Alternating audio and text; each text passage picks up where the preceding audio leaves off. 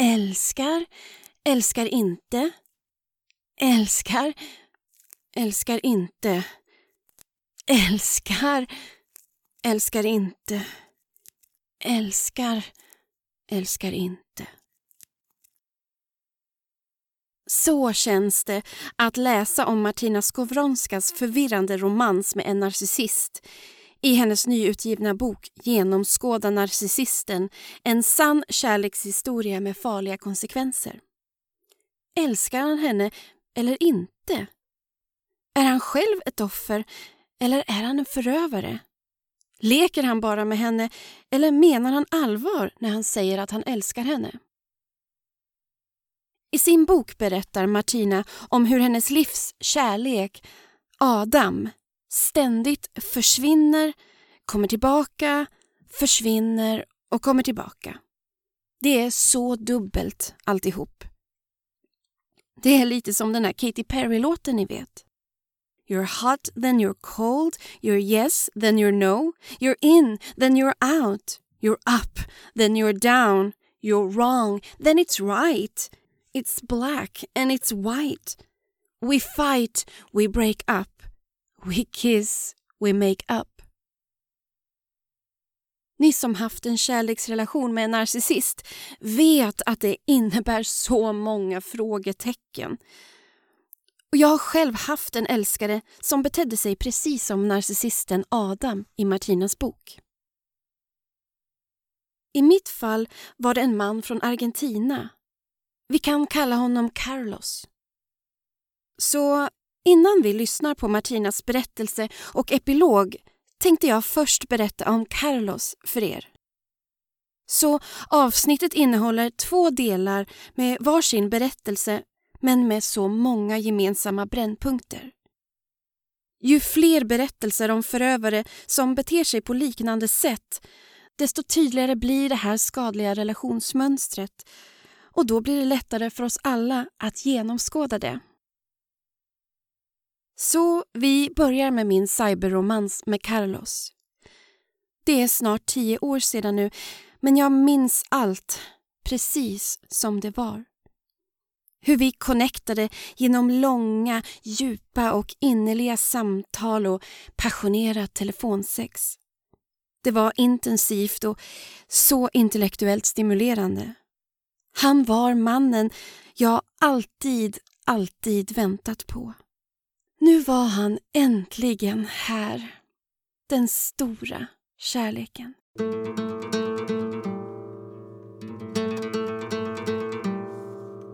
Carlos var en briljant psykolog och universitetsprofessor som påstod sig se mig bortom alla mina tidigare trauman.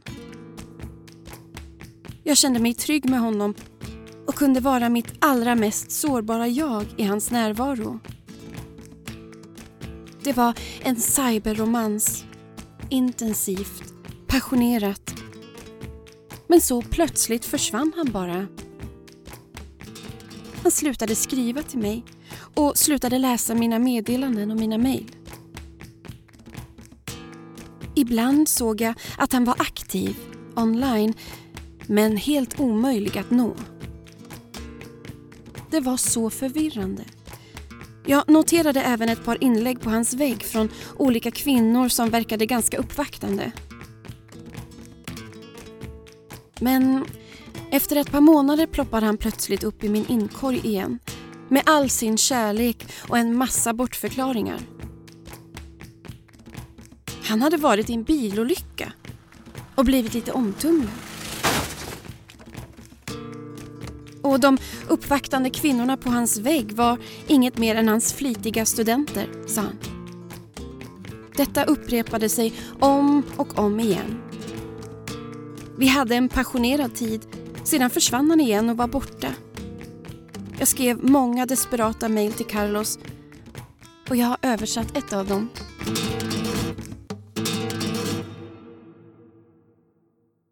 Kära Carlos. Det är nu tre månader sedan vi talades vid och jag vill inte ha det så här mer.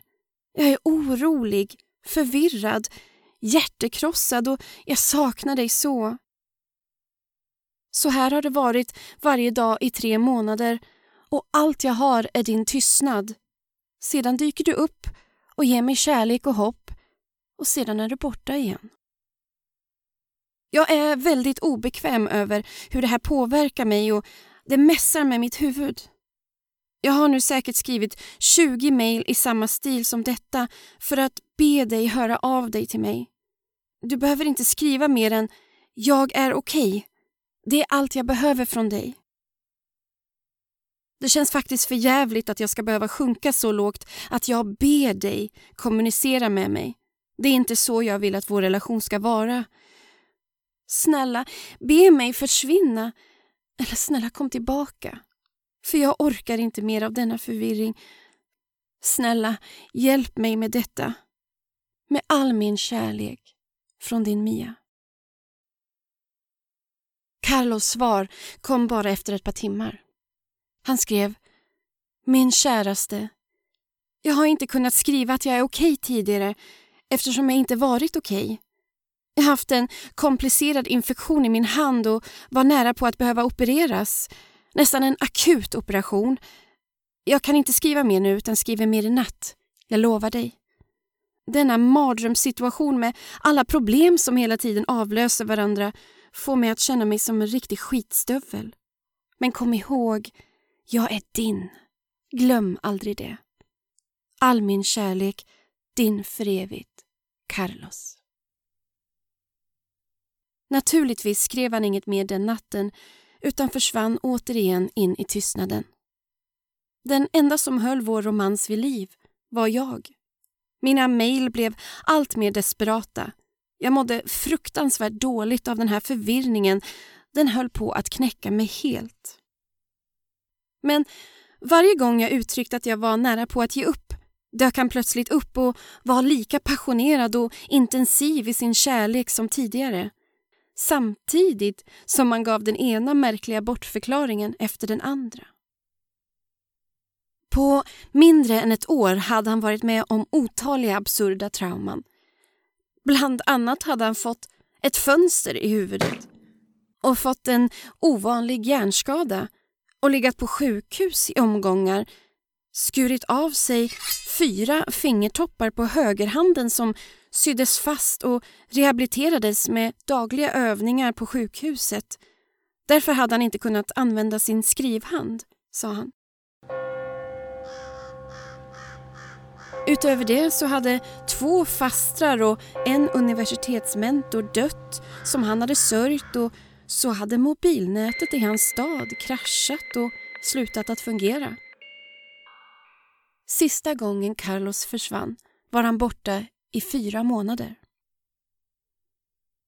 Under hans dånande tystnad och bländande frånvaro försökte jag kartlägga hans umgängeskrets och hela hans värld för att försöka pussla ihop allt han själv hade sagt med allt det motstridiga som jag hittade. Det var så mycket som inte stämde. I min dagbok skrev jag. Jag är lurad. Ingen tvekan längre snokade mig fram till att Carlos mår utmärkt och arbetar med sin akademiska research. Det finns även en kvinna, Victoria, som han verkar ha träffat under denna tid. Han verkar inte heller vara ett dugg sjuk eller förhindrad att skriva till mig. Nej, han ska tydligen till och med gå på födelsedagsfest i helgen. Jag är fullkomligt krossad. Har varit så dum denna plågsamma tystnad och alla uppdiktade historier om att vara allvarligt sjuk och tre månaders tystnad och tre månaders sorg, min längtan och otålighet Hans försvar och ursäkter insvept i den ena katastrofsituationen efter den andra. Hur har jag kunnat gå på allt? Så jag låter både sorgen och ilskan efter Carlos skölja över mig i en jämn och plågsam ström. Varje timma känns precis likadant fast med nyansskillnader och jag pendlar mellan att känna ilska, tomhet, sorg, förvirring, ilska, sorg, tomhet, förvirring, ilska, sorg, tomhet, tomhet, ilska, sorg, tomhet, sorg, ilska, förvirring, tomhet.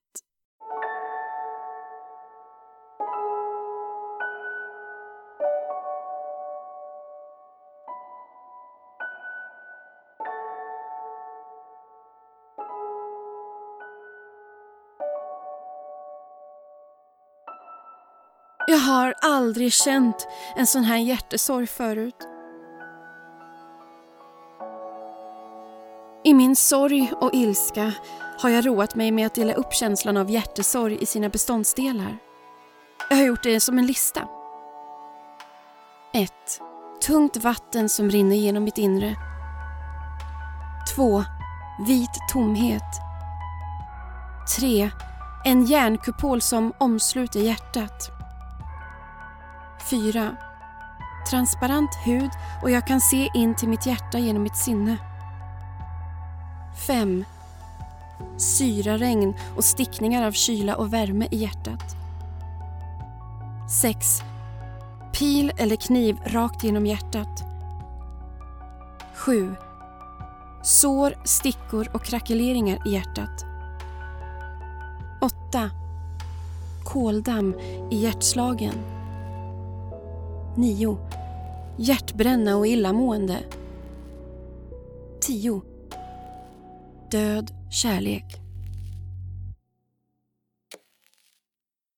Men så dök Carlos plötsligt upp igen med ett handskrivet brev som han hade skannat in och bifogat i ett mejl utan någon rubrik eller text.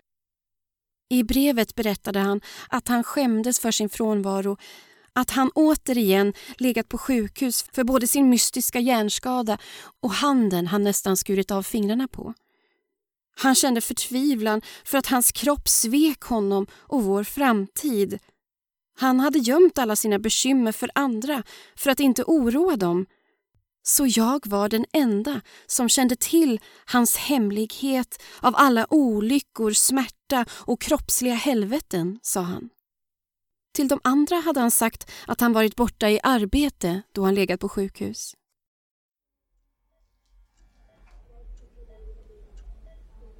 Han skrev att en natt på sjukhuset hade han sett en stor röd blodmåne på natthimlen och tänkt att det är ett tecken på att han måste hitta ett sätt att kontakta mig.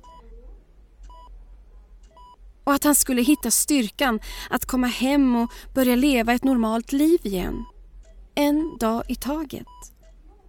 Men att han hade känt sån skam för sin frånvaro att han inte vågat skriva till mig förrän denna natt då ännu en blodmåne prydde natthimlen.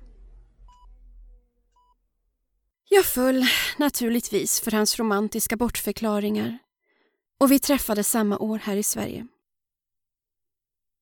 Men det var allt annat än ett romantiskt möte och jag kände stor ånger över hela situationen när vi tog farväl. Jag skrev mitt avskedsbrev medan han satt på planet tillbaka till Argentina. Mötet i Sverige var den enda gången vi sågs och sista gången vi talades vid. Jag skrev i dagboken Idag tvingade jag mig själv att blockera Carlos på Facebook och radera honom från mitt Skype-konto. Det var tungt. Trodde aldrig att den här dagen skulle komma. Men nu har jag vaknat vad har det varit hos honom jag har jagat egentligen? Den frågan är så viktig. Om du befinner dig i en liknande dödsdans med en narcissist som hela tiden försvinner, kommer tillbaka, försvinner och kommer tillbaka. Fråga dig vad det är du jagar hos honom. Det kan faktiskt mycket väl vara en traumabindning som jag talade om i avsnitt 11, Råd till anhöriga. Det kan också vara så att du jagar illusionen om vem du vill att han ska vara istället för att se vem han verkligen är och hur situationen verkligen ser ut. Vi som har blivit psykiskt misshandlade upplevde det som att förövaren inte såg eller älskade dem vi egentligen är utan ville forma oss för att passa deras bild av vem vi måste vara för just dem. Men vi har heller inte sett eller älskat vår förövare precis som han är. Vi har hela tiden klistrat på en falsk bild av vem han kan bli bara han bättrar sig eller vem han är bakom allt det där elaka, grymma och förvirrande som han ibland visar upp. Därför ingår det helt enkelt ingen äkta kärlek i en relation med en narcissist. Det är bara en massa ömsesidiga projektioner fantasier och verklighetsförvanskningar. Det finns mycket mer att säga om min romans med Carlos men det sparar jag till ett annat tillfälle. Nu ska vi låta författaren och föreläsaren Martina Skowronska berätta om sin förvirrande romans med en narcissist och om hennes nyutgivna bok Genomskåda narcissisten. Jag rekommenderar verkligen denna bok. Det är en riktig narcissistskola och ger både en avslöjande och detaljerad bild av hur det verkligen är att ingå i en dödsdans med en narcissist men ger också bra och tydlig kunskap om narcissistens härskartekniker, manipulation och det typiska mönstret för narcissistisk misshandel. Kunskap är det allra viktigaste verktyget för att överlevare ska kunna läka men också det bästa vaccinet mot att dras in i en skadlig romans med en narcissist. Kom ihåg, man ska aldrig behöva känna sig förvirrad i en relation. Förvirring ingår inte i kärlek och trygghet. Martinas bok hjälper till att genomskåda denna förvirring för exakt vad det är. Makt, manipulation och kontroll. Och vet ni, Epilogen Podcast finns faktiskt omnämnd i boken som ett tips på bra poddar om narcissism. Tusen tack för det Martina. Du lyssnar på Epilogen Podcast och det här är Genomskåda narcissisten, Martina Skovronskas epilog.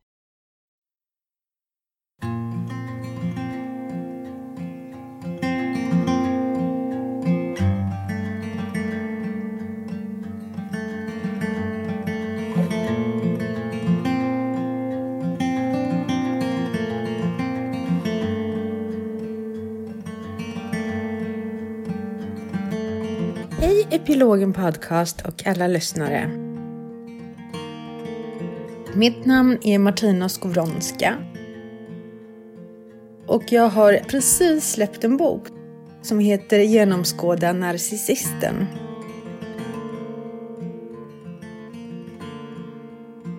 Boken handlar om mina erfarenheter av att ha en relation med en narcissist. Jag skrev den här boken för att när jag mådde som sämst i den här relationen så sökte jag efter svar på frågor som väcktes inom mig. Jag kände mig väldigt förvirrad i relationen och ville veta vad det är som orsakar mina känslor och varför jag mådde som jag gjorde. Men också så ville jag ta reda på varför han betedde sig som han gjorde. Och då när jag sökte på böcker inom ämnet så fanns det inte många böcker om det här på svenska. Det som fanns ute då vid det här tillfället, det var böcker om narcissister. Visst, det finns några fåtal ute på marknaden. Men jag tyckte inte att de riktigt talade till just mig. Det var böcker som var mest skrivna utifrån ett tyngre och akademiskt perspektiv. Och då kände jag att jag måste skriva den här boken som då inte fanns på marknaden. Och jag tror att jag gjorde helt rätt i det här eftersom under tiden jag skrev och under tiden jag höll på att jobba med den här boken så blev jag kontaktad av olika människor som hade upplevt liknande situationer och eh, hade problem med sina partners. De frågade efter råd och ville ha svar på frågor.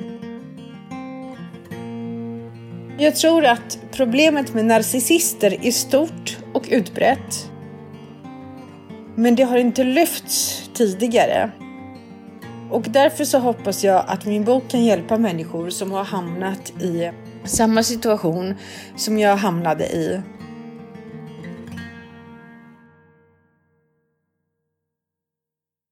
Boken är uppdelad i två delar. Den första delen är min självupplevda historia med narcissisten och är 100% sann. Jag är en kvinna på 46 år som haft tidigare relationer innan jag blev ihop med narcissisten. Men det som jag upplevde med honom, det var en helt annan nivå av destruktivitet, av ondska och av vidrighet som jag aldrig tidigare upplevt i hela mitt liv.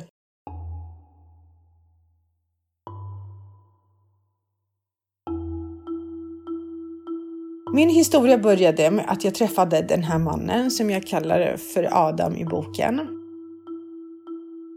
Vi träffades på Tinder. Han verkade till en början vara drömmannen som man bara har läst om och fantiserat om. Han var superskärmig, supersnygg. Han uppmärksammade mig, gav mig komplimanger, lyfte mig upp till skyarna. Jag mådde väldigt bra i hans sällskap. Till en början. Allt eftersom tiden gick började jag upptäcka att det han sa, det hängde inte ihop med hans handlingar. Och detta var ju en påtaglig och röd varningsflagga som jag ignorerade.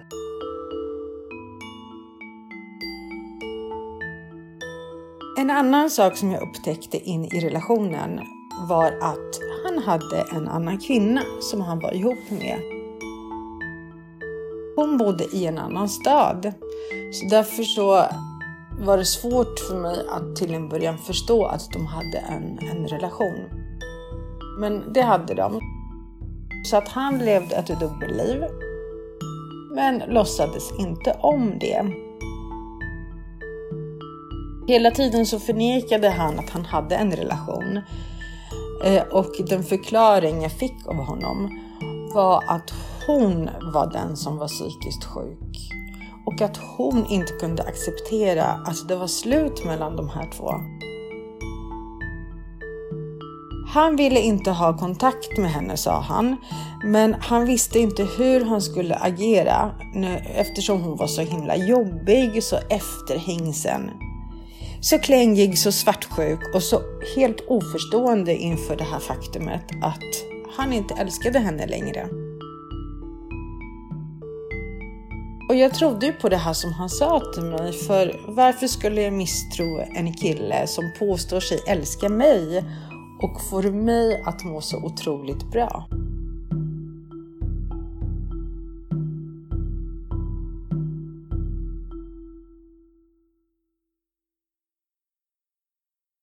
I samband med det här så märkte jag också konstiga handlingar som gjorde mig förvirrad. Han kunde bara försvinna och sluta höra av sig. Och när jag försökte kontakta honom genom eh, alla möjliga kanaler så hörde han aldrig av sig till mig. Det kunde dröja dagar, veckor och ibland månader utan att jag hörde från honom.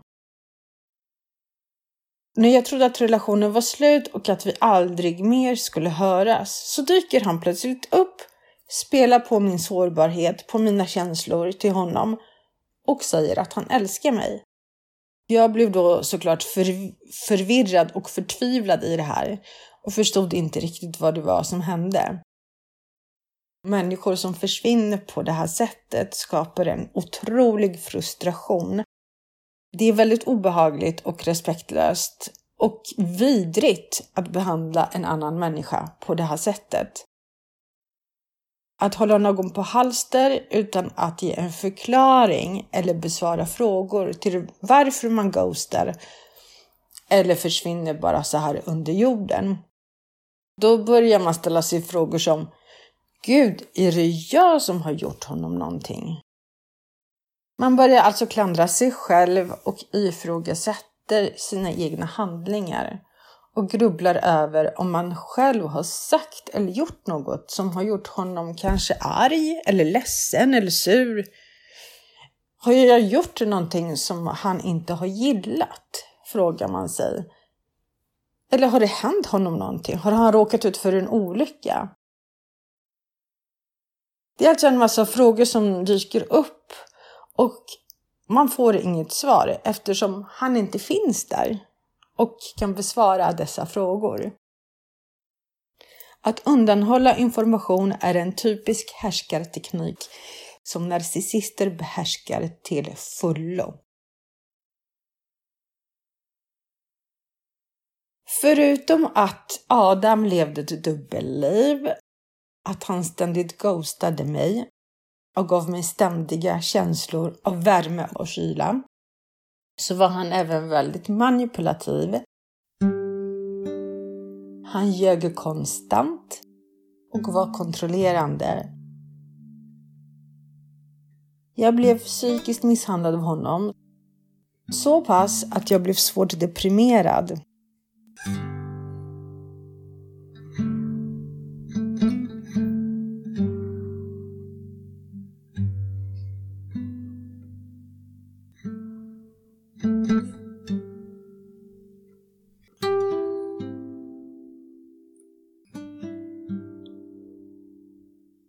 Jag kan också säga att jag förstod då inte i stunden när det här pågick att jag blev psykiskt misshandlad. Eftersom det var en term som jag då inte hörde talas om så mycket tidigare och inte heller förstod innebörden av. Jag förstod inte att det rörde sig om psykisk misshandel först när jag faktiskt öppnade upp mig för en kompis vars mamma hade blivit psykiskt misshandlad av en psykopat. Då kände min kompis igen det här beteendemönstret och när jag berättade om att Adam gjorde sig och så mot mig, då sa min kompis att men gud Martina, han håller på att bryta ner dig psykiskt. Han håller på att manipulera dig. Min första reaktion var förnekelse och jag svarade Va? Nej, nej, nej, nej, nej. Det skulle Adam aldrig göra. Men kompisens ord fastnade inom mig. Så det första jag i princip gjorde när jag kom hem var att sätta på datorn och googla psykisk misshandel, att vara nedbruten psykiskt och manipulation. Och där fick jag upp en massa sidor som handlade om narcissister och om psykisk misshandel. Allt som stod i de här artiklarna på nätet stämde in på Adam till 100 procent. När jag nu visste vad det här handlade om och vad det var jag var med om att jag hade hamnat i händerna på en narcissist så fick jag större förståelse för situationen och att felet inte låg hos mig. Jag förstod att Adam hade en psykisk störning på riktigt. Alltså jag visste det rent intellektuellt, men sedan att ta det vidare i handling och lämna relationen var ett svårt och tungt steg att ta. Jag hade fortfarande mycket starka känslor för den här mannen, även om jag nu förstod att han är en narcissist. Så att bryta upp var inte alls enkelt, även om jag nu hade svart på vitt vad det här handlade om. Det tog några månader att övertyga mig själv och landa i det här beslutet att lämna honom medan han parallellt utövade psykisk misshandel och fortsatte att bryta ner mig psykiskt. Så till slut så fick jag nog.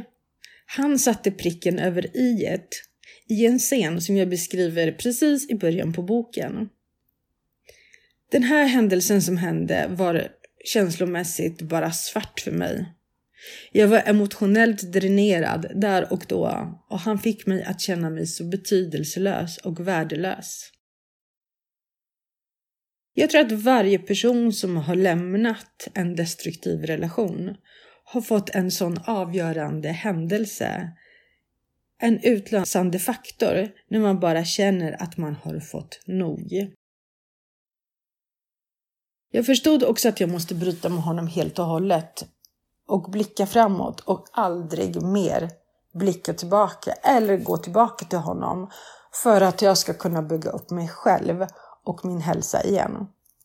Vilket var vad jag faktiskt också gjorde. Jag fortsatte framåt och aldrig tittade bakåt.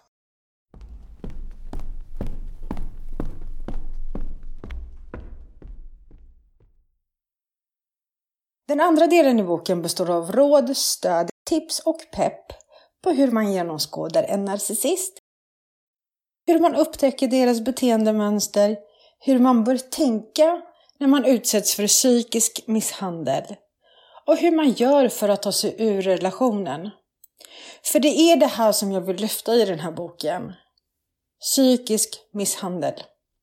Och jag vill även lyfta att det enda och hållbara sättet för att slippa bli misshandlad är att bryta sig ur och lämna relationen. För att det är ju så här, man kan inte prata vett med en narcissist. En narcissist kommer aldrig förändra sig och förstå att han gör det illa. Han kommer aldrig, aldrig förstå att han behöver bete sig på ett annorlunda och ett bättre sätt. Utan det som händer det är att narcissister snarare blir värre i sitt sätt att vara ju längre relationen fortgår. Varför jag berättar den här historien om min relation och om den här mannen är inte för att berätta om mig eller honom. Det är inte det primära. Jag vill berätta om psykisk misshandel, hur allvarliga konsekvenser av psykisk misshandel är samt lyfta att en person kan vara en förövare oberoende av ålder, kultur, utbildningsnivå, religionstillhörighet eller politisk tillhörighet. Också att en förövare kan bete sig hur bra som helst mot andra personer, vara framgångsrik och fungera fullt normalt i sitt övriga liv. Men bakom stängda dörrar bete sig fruktansvärt illa, kränkande, skada andra och utöva våld. Man måste kunna sätta stämpel på en sån människa och kalla personen för en förövare och ingenting annat. Ta därför alltid avstånd från en förövare. En person som en gång har skadat någon psykiskt eller fysiskt kommer alltid fortsätta att göra det. Offren kan bytas ut, men beteendet och handlingen består. Jag vill tacka för möjligheten att jag fick komma hit och berätta min historia samt om den nysläppta boken Genomskåda narcissisten.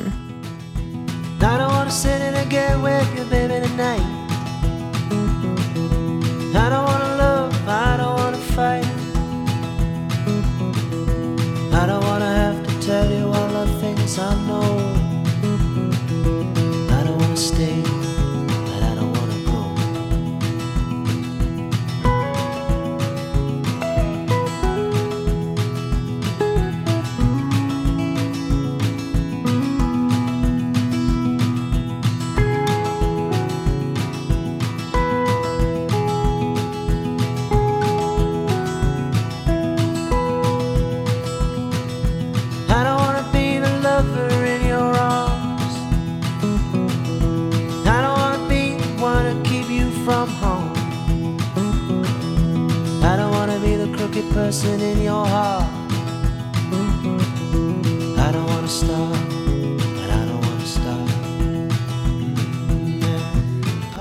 Lyssnat på Epilogen Podcast.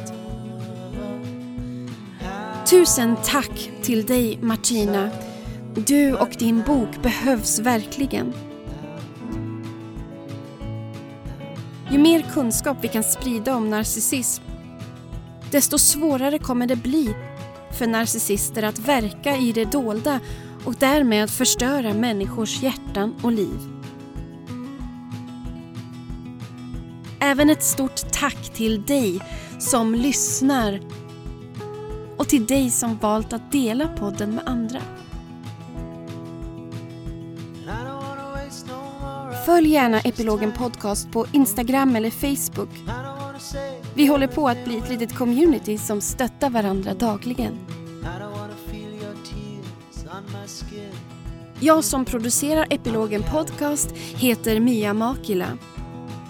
Mer info om mig och epilogen finns på miamakila.com Om du vill dela med dig av din egen berättelse i podden eller bara vill ge lite feedback, mejla på epilogenpodcast gmail.com Musiken i avsnittet är poddsäker Mer info om vilka låtar finns i avsnittsbeskrivningen.